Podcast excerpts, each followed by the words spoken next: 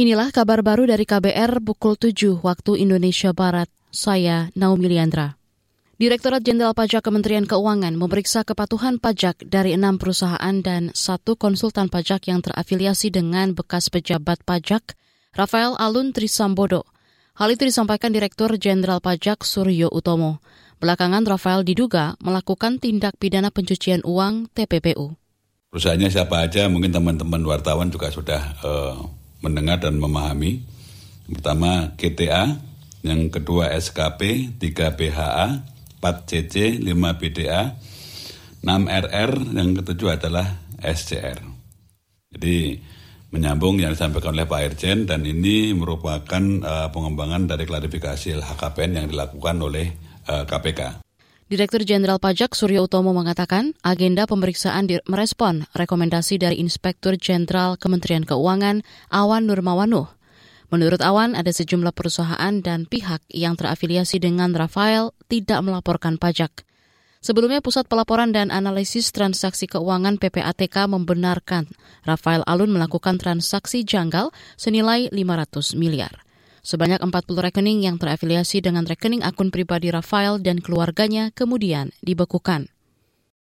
Saudara Kementerian Dalam Negeri menyebut implementasi Badan Layanan Umum Daerah BLUD sudah semakin menggembirakan dengan pelayanan yang semakin baik dan inovasi-inovasi yang banyak dilakukan.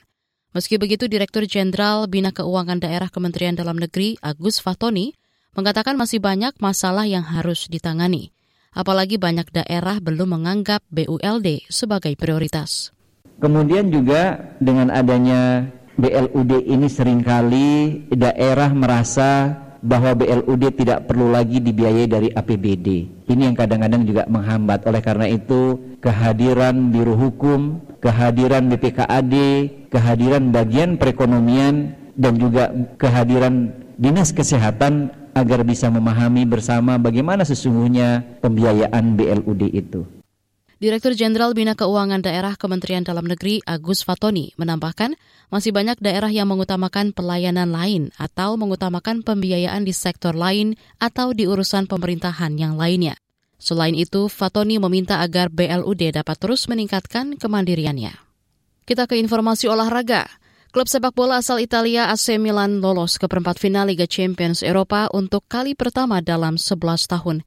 Meski hanya bermain imbang 0-0 melawan Tottenham Hotspur, Milan bisa lolos ke babak berikutnya dengan kemenangan agregat 1-0.